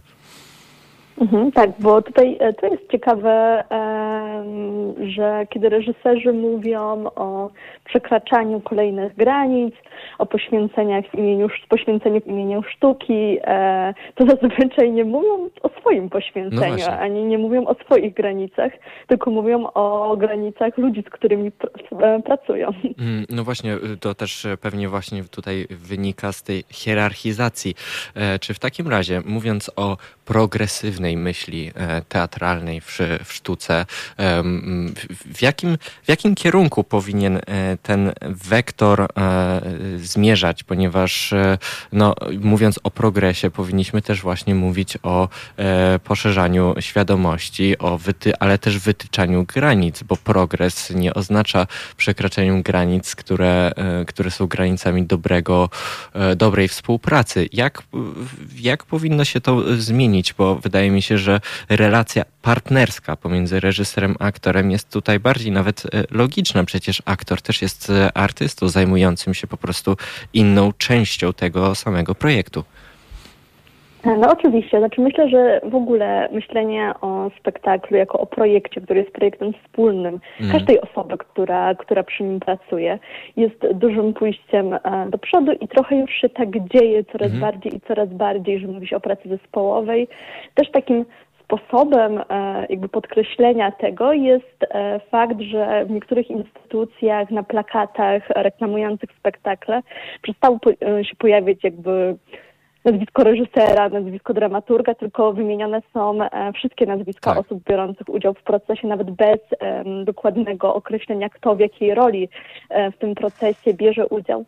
Mhm. E, I m, mm, tylko, że jakby powinno się i znowu jakby kolejne kroki, kolejne kroki do przodu robić, bo spotkałam się też z takimi opiniami, że co z tego, że robimy pracę, która jest miła, jest w procesie i jakby wszyscy razem się podpisujemy, skoro za tą pracę reżyser dostanie załóżmy 50 tysięcy złotych, tak. dramaturg 30, a aktor 5 tysięcy, tak? Czyli... Znaczy, że ta mhm. równość powinna być na bardzo wielu poziomach wprowadzana. Czyli można powiedzieć, że wage gap również w sztuce ma się dobrze, tylko że również e, z, z powodu e, już tutaj bardziej e, pozycji i jakichś uprzedzeń, bo tutaj też jest uprzedzenie. Aktor dalej jest często traktowany jako po prostu rzemieślnik. Mhm, no tak, oczywiście, oczywiście, że tak jest. Ale mówiąc jeszcze o zmianach, mm. o które pan e, przed chwilą pytał, tak. to też myślę, że to, co teraz się dzieje w szkołach teatralnych, to jakby wszystkie rzeczy, które codziennie wybuchają i jakby wszystkich oświadczeniach, które zapoczątkowała e, w tym rozdaniu e, pani Anna Paliga, e, mm. są bardzo istotnymi krokami ku zmianie, ponieważ jest to taki ruch oddolny osób najbardziej zainteresowanych, osób, które tej przemocy doświadczyły, które upominają się o zmianę i które nie dadzą sobie tego tak łatwo wydrzeć i Chodzi mi po głowie taki jeden przykład, kiedy e, kilka dni temu Dorota Segda wydała tak. jako e, mhm. rektorka Akademii Teatralnej w Krakowie, Akademii Sztuk Teatralnych w Krakowie, e, która wydała oświadczenie, mhm. że żadna z tych przemocowych osób już na szkole nie pracuje. No, I od razu posypały takie... się mhm. pod tym oświadczeniem komentarze. Jak to, jak to? Przecież pracuje jeszcze ten, ten i ten. Co też pani mówi? Przecież jeszcze to i to się dzieje. I dla mnie to był taki sygnał, że już sobie nikt teraz nie da zamknąć ust, że takie oświadczenia łagodzące się już hmm. pojawiały i wielokrotnie przy różnych okazjach były wygłaszane, że wszystko, że wszystko w porządku, że powołaliśmy tego rzecznika, taką komisję, taki regulamin, a teraz nagle te głosy, że to nie wystarczy, że trzeba jeszcze, jeszcze, jeszcze są bardzo silne i chyba silniejsze niż głosy instytucji. I to jest mm. świetne. To jest, to jest świetne, to jest też um, świadczące o tym, że zmiany, um, no właśnie, nie, e, nie poprzestaną na, na tych e, łagodzeniach, bo tak naprawdę e, moim zdaniem ci przedstawiciele tych e, szkół, bo to też nie tylko teatralnych, no ale tutaj w kontekście szkół teatralnych mówimy, um, przedstawiciele szkół teatralnych, którzy wypowiadają się już na ten temat, powinni zrozumieć, że łagodzące oświadczenie ma, ma, ma działanie odwrotne tylko, bo to tylko zaostrza. A więc w zasadzie można też powiedzieć, że to mm, pomaga w ujawnieniu też myślenia e, te, tych, tychże e, mhm. ludzi, tych kierowników, kierowniczek e, instytucji teatralnych. Mm, więc bardzo dobrze, że to się dzieje, bardzo dobrze, że w mediach możemy też o tym nagłaśniać. Dziękujemy bardzo pani, pani Katarzyno za, za wizytę w naszym radiu, za rozmowę. To była bardzo dobra dobra rozmowa, myślę. E, I e, postaramy się też w razie czego e, kontaktować. Pozostajmy w kontakcie. Dobrze, pozostajemy w kontakcie. Ja bardzo e, również dziękuję za zaproszenie. Dziękuję. Moją i Państwa gościnią e, na antenie Halo Radia była pani Katarzyna Niedurny, teatrolożka i dziennikarka, a tymczasem na naszych zegarach jest już 11.57, więc już za trzy minuty wiadomości, potem pogoda i wracamy do kolejnych e, tematów. Tym, tym razem poruszymy temat mm, projektu modelowania e, koronawirusa, e, modelowania e, rozprzestrzeniania się koronawirusa, ale o tym więcej o 12.15, już zaraz wiadomości. Halo Radio. Mówi wszystko. Jest 12.07.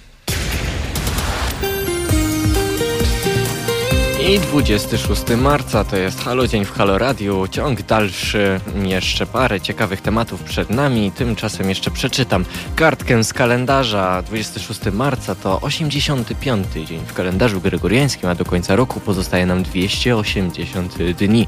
Imieniny dziś obchodzą między innymi. No dzisiaj w zasadzie przeczytam wszystkich, e, bo, bo te imiona są naprawdę ciekawe, dlaczego nie? E, Bazyli, Duszan, Dyzma, Emanuel, Emanuela Eutychiusz, Felix, Kwadrat, Larysa, Ludger, Manuela, Montan, Nicefor, Teodor, Teodozjusz, Teodozy i Tworzymir. Piękne imiona e, dzisiaj mają swoje imieniny. Wszystkim solenizantom, wszystkim właścicielom tychże pięknych e, imion i rzadkich imion życzymy wszystkiego najlepszego. W Bangladeszu natomiast święto niepodległości dzisiaj w Mali, Dzień Męczenników e, w 2000 roku. Patrząc dalej w kartkę kalendarza, możemy przeczytać, że w 2000 roku prezydent Władimir Putin, no właśnie, stał się prezydentem po raz pierwszy w pierwszej turze wyborów. Wygrał, e, wygrał z... Mm, ojej, i teraz mam zaćmienie, z kim on wygrał. No, z Jelcynem, tak. Tak, z Borysem Jelcynem, dokładnie. E, Borys, Julicie, Borys Jelcyn przegrał wybory z Władimirem Putinem. Borys Jelcyn raczej nie jest kojarzony z, mm, z dobrą prezydenturą, no raczej był tak zwanym chlejusem, no ale, ale Władimir Putin no już taki zachlany nie był.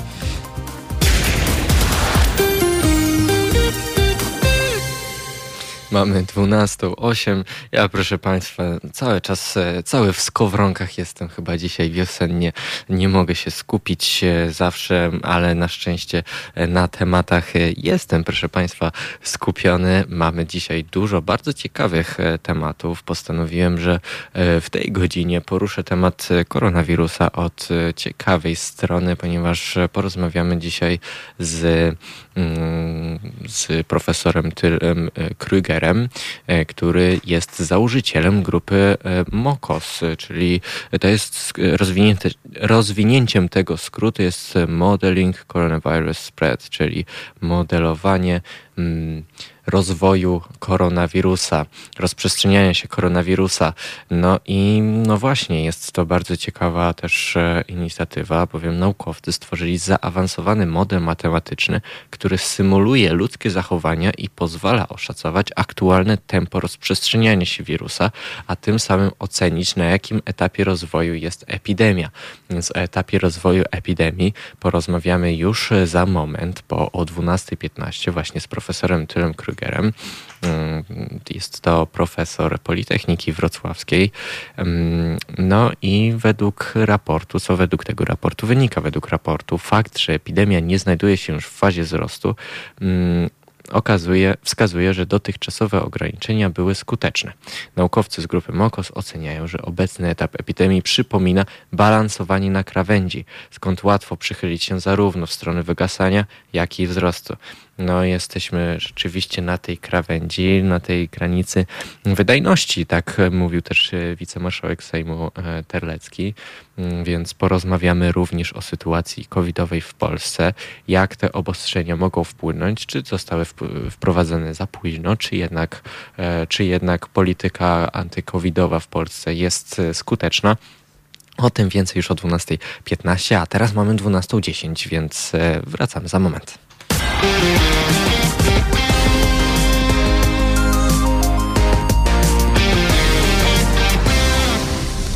Jest godzina 12.15, w zasadzie już teraz 16 po 12 e, i to oznacza właśnie, że mm, profesor Tyl Krüger z Politechniki Wrocławskiej, założyciel e, MOKOS, czyli Modeling Coronavirus Spread, już z nami jest połączony na antenie.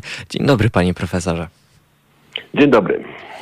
Zaawansowany model matematyczny, który symuluje ludzkie zachowania i pozwala oszacować aktualne tempo rozprzestrzeniania się wirusa, a tym samym ocenić na jakim etapie rozwoju jest epidemia. To jest y, na pewno bardzo pomocne narzędzie. To y, jak powstawało y, budowanie tego, tego modelu, tego, tak, tego modelu matematycznego? No, są różne sposoby, jak budować takie modele epidemiologiczne. Właściwie mhm. epi, modele epidemiologiczne to mają jakaś długa historia. Um, to 100 lat temu już pierwsze modele dla malaria były uh, wymyślone mhm. i um, my używamy tutaj takich dość nowy dostęp na modelowanie, które um, udaje się tylko i realizować na komputerze, takie modele mhm. agentowe, które bardziej dokładnie reflektują heterogeniczność i zachowanie ludzi, jak różni się zachowanie ludzi, jaki wpływ um, w ogóle um, te zachowanie ludzi i oczywiście te miary, które państwo robi przeciw um, epidemii, E, mają wpływ na um, dalsze rozwijanie dynamiką epidemii. Mhm. To w takim razie właśnie w obecnej sytuacji, która jest bardzo ciężka dla, dla Polski w tym momencie, no, wicemarszałek Sejmu tak. Terlecki powiedział, że no, jesteśmy już na krawędzi wytrzymałości, na krawędzi załamania się systemu zdrowia. Czy w kontekście tej obecnej polityki koronawirusowej polskiego rządu e, prognozy na, na rozwój pandemii w Polsce są obiecujące, czy raczej, czy raczej powinny powinniśmy się martwić? Um, no, ja, ja, mam, my mamy mhm. nadzieję, że te nowe restrykcje, które teraz um, są tak. od wczoraj, um, to znaczy od jutro będą aktywnie, mhm. są wystarczające, żeby znowu e, wrócić na stan, gdzie mamy kontrolę na epidemię. To znaczy te liczby już nie dalej będą rosnąć, tylko będą tak e, powoli mhm. maleją. I um, no problem było to, że za długo czeka, państwo tutaj czekało, no um, bo ta epidemia, że będziemy tutaj trzecia fala mieć i ta trzecia fala może być uh, dość mocno, nawet w szczycie wyższy niż druga fala.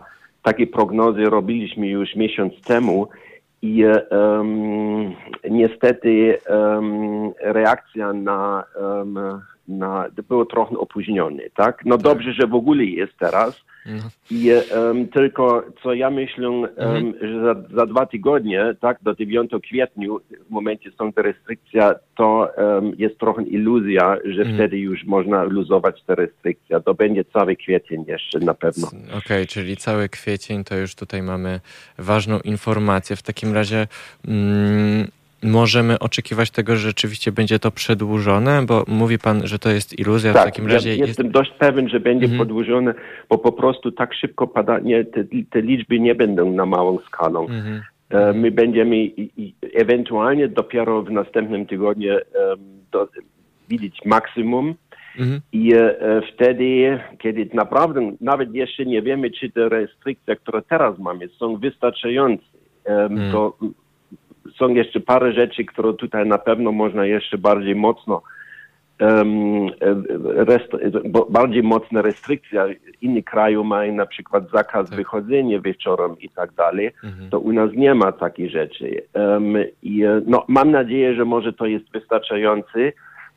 Ale nawet kiedy to jest, um, kiedy to wystarczy jest, żeby epidemia już nie dalej będzie rosnąć, będzie nie tak szybko uh, wrócić do, do małą to skalą, mhm. gdzie jesteśmy naprawdę w stanie luzować te restrykcje. To znaczy do maju, myślę, do początku albo środku mhm. maju, wtedy ewentualnie i pogoda trochę da pomóc, Um, musimy się trzymać z tymi mocnymi restrykcjami. Musimy być przede wszystkim odpowiedzialni, po prostu myśleć o sobie nawzajem. E, panie profesorze, w takim razie, jeśli rozumiem, że jeszcze jesteśmy przed tym pikiem największym e, zachorowań, e, jakie czy, czy prognozy pozwalają określić, ile będzie najwięcej, tak mm, szacując? Maksimum? Tak, jakie tak, będzie maksimum? Tutaj trzeba, trzeba rozumieć, że te prognozy są no, są w formie probabilistyczną prognozy. Mhm. To znaczy my mamy jakieś um, prawdopodobieństwo, tak. żeby idzie do tego, do tego punktu. I są różne możliwości, bo oczywiście nikt nie jest w stanie dokładnie um, przewidzieć um, na, na naprawdę na tysiąc, na skalę mhm. powiedzmy tysiąc dokładność jak to będzie za tydzień. Mhm. Ale mamy tutaj jeszcze wysoką prawdopodobieństwo, że dojdziemy do 40 tysięcy mhm. E, zakażonych. Um, ale ja, tutaj trzeba naprawdę rozumieć, to są probabilistyczne prognozy. Tak mhm. samo jak pogoda prognozuje się z jaką prawdopodobieństwo. Tak, to nie są takie 100% pewne e, rzeczy, to w ogóle nie jest, e, nie jest możliwe tak, coś mhm. takiego robić.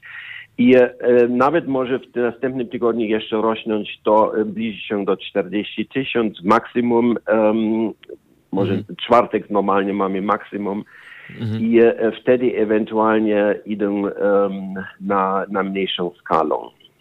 To Ale to, to wszystko, to wszystko przez dwa tygodnie będziemy się jeszcze trzymać na ten poziom 30 tysięcy, myślę. Czyli przez dwa tygodnie musimy być naprawdę bardzo, bardzo wstrzemięźliwi i odpowiedzialni i wyrozumiali też.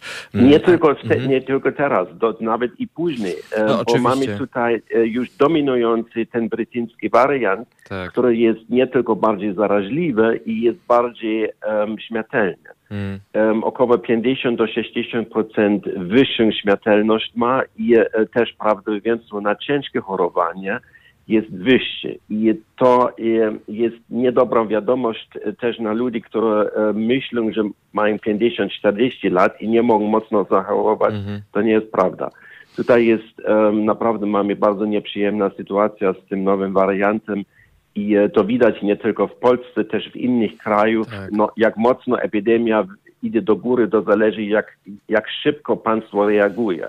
Mhm. I, um, uh-huh. no, państwo polskie zareagowało za późno, zresztą. Za późno na pewno. Zgadzają się z tym chyba już e, wszyscy eksperci, włącznie właśnie z panem profesorem Tylem Krugerem, który jest e, założycielem właśnie MOKOS, e, profesor Politechniki Wrocławskiej. Jest państwa i moim gościem nadal jeszcze przez, jeszcze przez kilka minut, więc ja, ja postanowiłem jeszcze zadać pytanie ważne dla nas wszystkich. Michał Dworczyk zapowiada rewolucyjne zmiany zmiany w szczepieniach. Powiedział, mamy plan, żeby wykorzystywać wszystkie możliwe dopuszczalne prawem sposoby, zarówno dotyczące zwiększenia liczby punktów szczepień, jak i włączeniu maksymalnie dużej, osób, dużej liczby osób do szczepień. Tutaj ten program miałby mm, również włączyć do szczepień między innymi nawet punkty drive-thru, e, mhm. więc, więc naprawdę już więcej osób ma być wykwalifikowanych do tego. Czy to, mm, czy to jest wiadomość, która, jeśli to zostanie wprowadzone, czy to oznacza, że, mm, że już trzecia fala będzie tą ostatnią falą w Polsce? Um, to nie można powiedzieć. Mhm. Um, na pewno to jest bardzo dobrze. Kiedy byliśmy po, po, bardziej szybko i bardziej większą skalą jeszcze szczepienie robić, to jest o, oczywiście um, bardzo dobry, bardzo dobra strategia. I mamy mhm. szansę, to jest realna szansa, przez szybką um, ewentualnie naprawdę um, dostać kontrolę przez epidemię, nawet wygasować epidemię. Mhm. Um, ale um, nikt nie wie, jak szybko i kiedy nowe mutanty będą wstępować, które, um, które ewentualnie mhm. nie prowadzą taką 100% immunizacja, mhm. um, gdzie to szczepienie nie prowadzi 100% immunizacja, tylko o wiele mniejszą. Mhm. My wiemy, że ten południoafrykański wariant um, na przykład ma mniejszą mniejszą immunizację mhm. przeciw ten um, wakcynacja AstraZeneca, tak? Tak, tak, tak. tak. I um, tutaj ewentualnie mogła uh, no, w jesień um, wstępować problem. Um, mhm. Kiedy, um, kiedy już wszystko dobrze wygląda i ewentualnie tutaj będą wrócić warianty, które nie, ma, nie mamy odporności wystarczającej.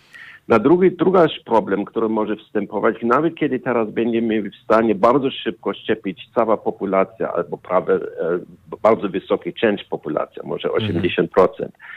Mhm. Wtedy jest jeszcze zupełnie otwarte pytanie, jak długo będzie się trzymać to szczepienie, tak? Jak długo to mhm. da, da odporność. To może być pół rok, to może być rok. Mhm. I dużo zależy na, na, na, na dalszą, na dłuższą perspektywą, jak długo tutaj ten czas jest, w jaką prędkość stracimy tę odporność. I mhm. już teraz trzeba myśleć o programie rewakcynacja, tak mhm. znaczy powtórką tego szczepienia przez jakiś czas robić, żeby mhm. trzymać wysoki poziom w populacji tego immunizacja. I na pewno potrzebujemy tutaj poziom że około 75% mhm. populacji, to, są 3 czwarte, są permanentnie w stanie e, immunizacji. No są to prowadzone. Znaczy, mają odporność. Są prowadzone rozmowy nawet w kierunku zmiany polityki też e, szczepień. Teoretycznie 12 miliardów szczepionek ma zostać wyprodukowane, wyprodukowanych mhm. do końca 2021 roku, więc to jest właśnie ilość, która pozwala na e, zaszczepienie e, ponad 70% całej populacji, ale problemem jest tutaj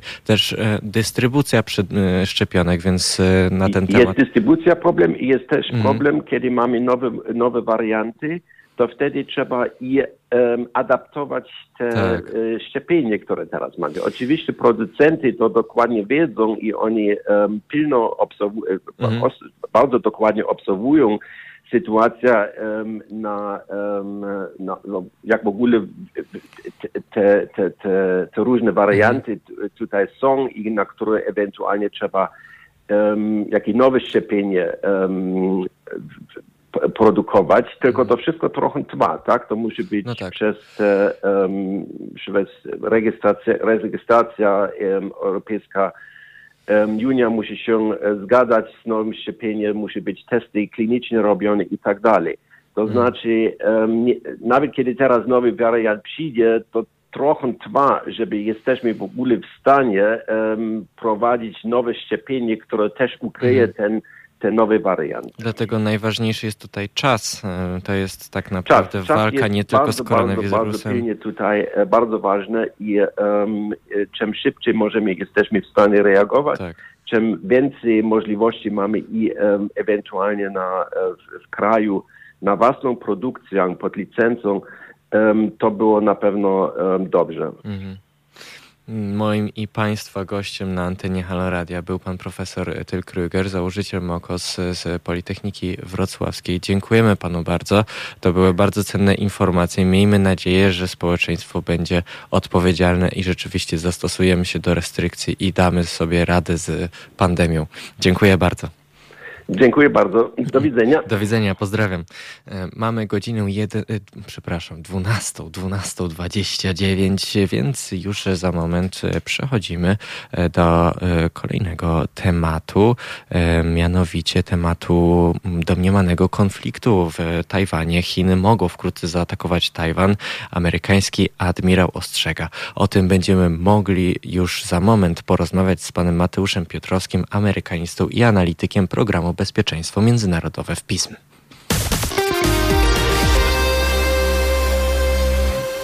Jest godzina 12.30 i już jesteśmy połączeni z naszym um, gościem, z panem Mateuszem Piotrowskim, amerykanistą i analitykiem programu Bezpieczeństwo Międzynarodowe w PISM, czyli w Polskim Instytucie Spraw Międzynarodowych. Dzień dobry.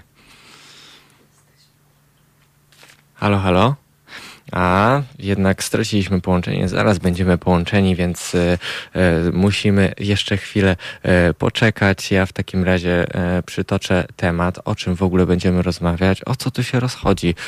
Jaki Tajwan, jakie Chiny? A no właśnie, no Chiny, Tajwan to jest temat w zasadzie kłopotliwy dla wielu, mm, ponieważ no teoretycznie, w teorii Tajwan no właśnie, zależy kto tą teorię pisze, bo w jednej teorii Tajwan należy do Chin, a w drugiej y, Tajwan się oddzielił, żąda niepodległości. Tam działania są cały czas e, prowadzone. USA zasila e, rządy Tajwanu mm, bronią.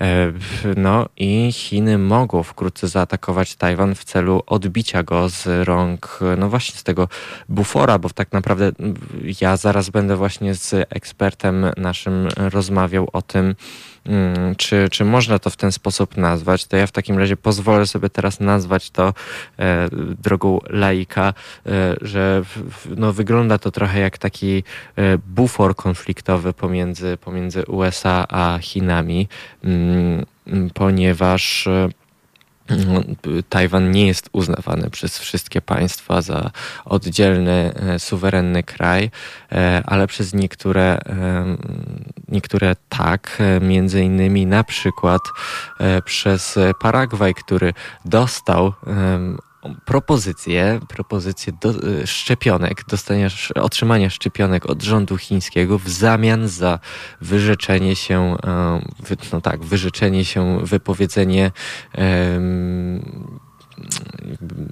zaprzeczenie suwerenności e, Tajwanu, powiedzenie, że Tajwan jest chiński.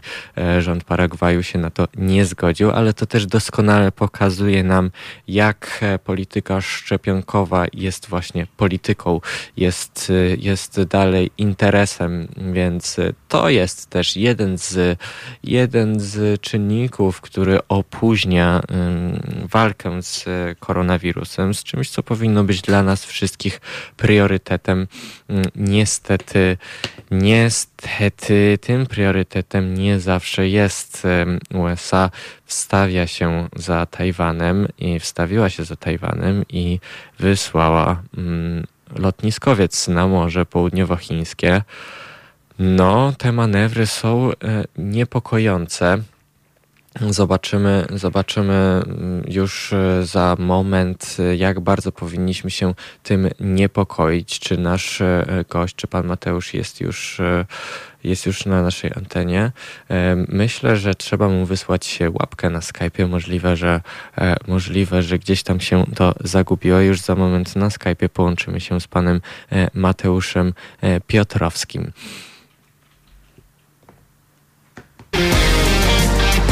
Halo Radio mówi wszystko. Je, yeah, yeah. Jest 12.36, Blur Song tu. E, lubię tę piosenkę. No ale y, wróćmy do e, poważniejszych tematów, e, bo poważniejszego, poważnego tematu mm, mm nie brakuje też e, na, e, w, no właśnie, na Indo-Pacyfiku. Admirał John Aquilino ostrzegł, że zagrożenie Tajwanu chińską inwazją może być bliższe niż się tego spodziewano. Podkreślił też wagę sojuszu USA z Japonią. Już teraz na antenie Halo Radia moim i waszym przede wszystkim, e, drodzy Państwo, gościem jest pan Mateusz Piotrowski, amerykanista i analityk programu Bezpieczeństwo Międzynarodowe w Polskim Instytucie Spraw Międzynarodowych. Dzień dobry. Dzień dobry. E, panie Mateuszu, jak, e, jak bardzo powinniśmy się obawiać tymi doniesieniami? Czy to jest znowu jakiś pokaz siły, czy to jest e, po prostu element polityki, czy to jest jakiś pressing stosowany na, na Chiny ze strony USA? Jak powinniśmy odczytać te sygnały? Przede wszystkim trzeba nadać kontekst wypowiedzi samego admirała. To mm. przesłuchanie w Senacie to przesłuchanie na kandydata znaczy kandydata na mhm. dowódcę y, dowództwa indopacyficznego. Y, musi się on więc upozycjonować jako osoba no, przytomna, y, tak. która doskonale rozumie największe zagrożenie, no w skali globalnej oczywiście, ale tutaj przede wszystkim w regionalnej, bo dowództwo mhm. indopacyficzne, no jak sama nazwa wskazuje, tak. ogranicza się do pewnego regionu. Stąd ta wypowiedź, ale ona w kontekście globalnym wydaje mi się i w, w samych Stanów Zjednoczonych nie jest aż tak przerażająca. To znaczy, jego wypowiedź miała na celu wskazanie, że potęga militarna Chin, która się rozwija, która jest przez Chiny budowana, ma na celu raczej właśnie oddziaływanie w tak zwanych szarych strefach chińskich. To jest oczywiście mhm. Hongkong, Tajwan, ale także też terytoria, e, do których Chiny roszczą sobie prawa, a jednak e, to, to, to, to w, według prawa międzynarodowego no, znajdują się one pod kontrolą innych państw, na przykład mhm. Filipin czy Japonii. Mhm. I to raczej póki co te działania chińskie, ten rozwój zdolności militarnych jest wymierzony właśnie, by przejąć kontrolę nad tymi strefami, i tu między innymi został Tajwan wymieniony, a nie stanowią bezpośrednie zagrożenie dla Stanów Zjednoczonych. Ale jeżeli sobie połączymy to z tym, że dla administracji Bidena mhm. bezpieczeństwo międzynarodowe jest bezpośrednio zależne od bezpieczeństwa globalnego, no to oczywiście jest to problem i, i tak na to powinniśmy mhm. patrzeć. Ale drugorzędny w skali globalnej E, a przede wszystkim w skali regionalnej. Czyli można w takim razie uznać, że. Um że to, że na przykład 13 chińskich samolotów wojskowych naruszyło jakiś czas temu strefę identyfikacji obrony powietrznej Tajwanu, a na przykład po drugiej stronie, druga strona tego, no właśnie, no jeszcze nie konfliktu, ale takiego starcia, um, takiej przepychanki małej, to y, wysłała lotniskowiec na tamten obszar, czyli to jest na razie, można powiedzieć kolokwialnie, pokazówka. E, znaczy pokazówka, która no, niestety jednak z roku na rok obserwujemy coraz większą gęstość mm -hmm. takich działań.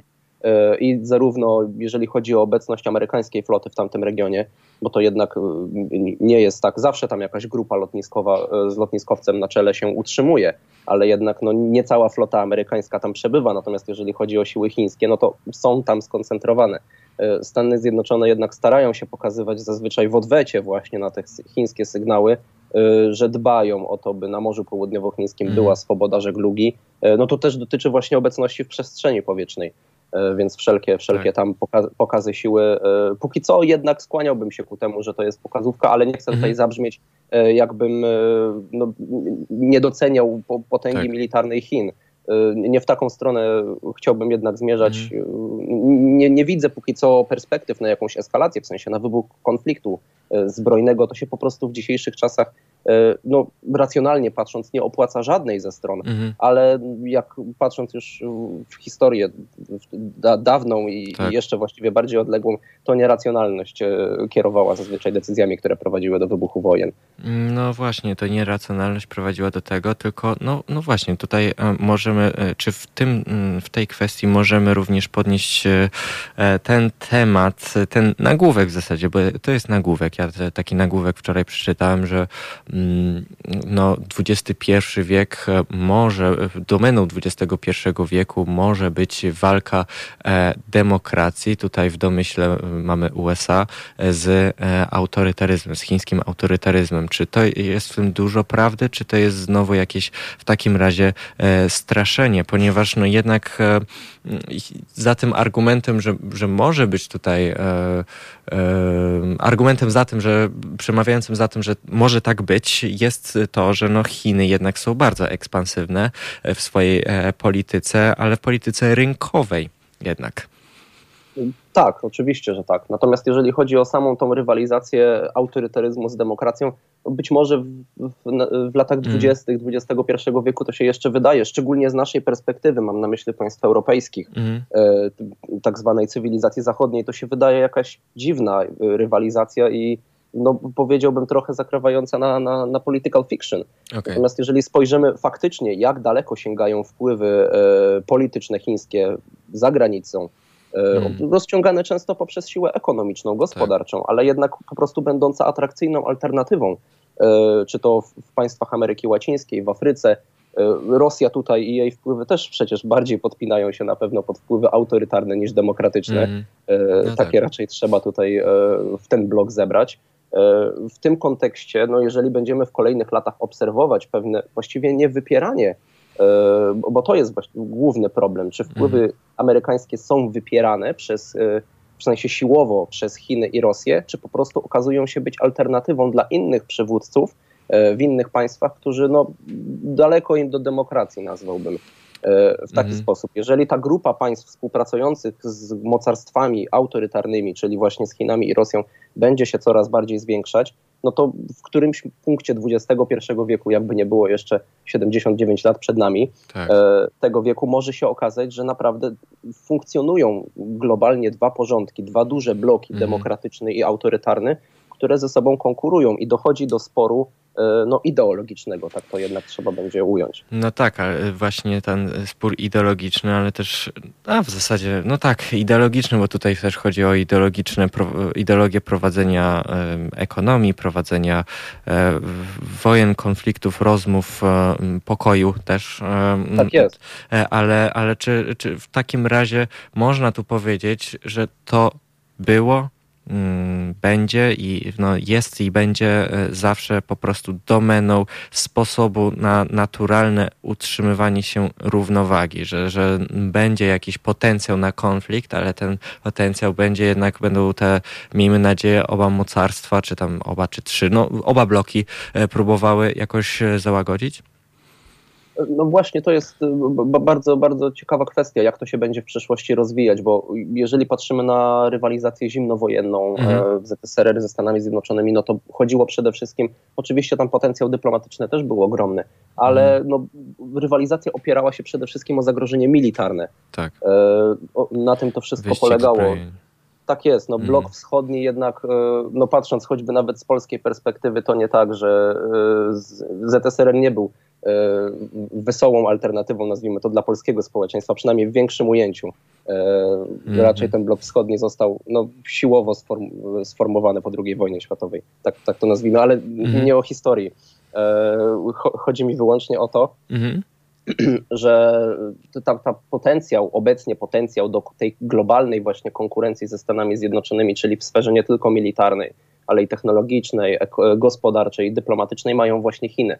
E, I jeżeli w taki sposób to się będzie utrzymywać, jeżeli ta wieloobszarowa rywalizacja e, będzie właśnie tym, co w kolejnych latach czy dekadach będziemy obserwować, to wydaje mi się, że faktycznie ten aspekt militarny będzie się skrywał właśnie za, za pozostałymi i choć zagrożenie oczywiście raczej nie odejdzie, Spodziewam się, że Chiny dalej będą się rozwijać też w kontekście budowania arsenału nuklearnego, co jest tak. największym chyba zagrożeniem, jeżeli chodzi o, o, globalne bezpieczeństwo. Natomiast jeżeli te inne aspekty nadal będą e, się utrzymywać jako element rywalizacji, to chyba dobrze, bo w ogóle dążenia do deeskalacji raczej nie, nie dostrzegam mhm. e, póki co. Natomiast jeżeli aspekt militarny miałby przeważać nad resztą, być głównym, no to tutaj się obawiam, bo jeżeli nie, państwa nie będą się martwić o, o, o, swoje, o swoje wpływy właśnie dyplomatyczne czysto, mhm. e, gospodarcze, tego jak ich gospodarka sobie poradzi, tylko to ten aspekt militarny, tego kto ma przewagę mhm. i jakie straty jest w stanie ponieść jego przeciwnik, będzie tym dominującym,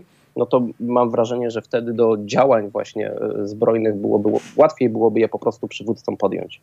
W takim razie pozostawmy to jednak w sferze e, obaw, e, bo obawy jednak jeszcze no, są potrzebne, ale nie są na szczęście, tak jak, tak jak Pan właśnie powiedział, nie są jeszcze rzeczywistością, więc obserwujmy te, te działania. Będziemy się na pewno, ja będę się na pewno chętnie kontaktował, jeśli, jeśli sytuacja będzie dalej rozwojowa, a na pewno będzie, e, o Chinach, e, a przede wszystkim o polityce e, USA w stosunku do Chiny i Tajwanu, czy, czy po prostu pokoju międzynarodowego.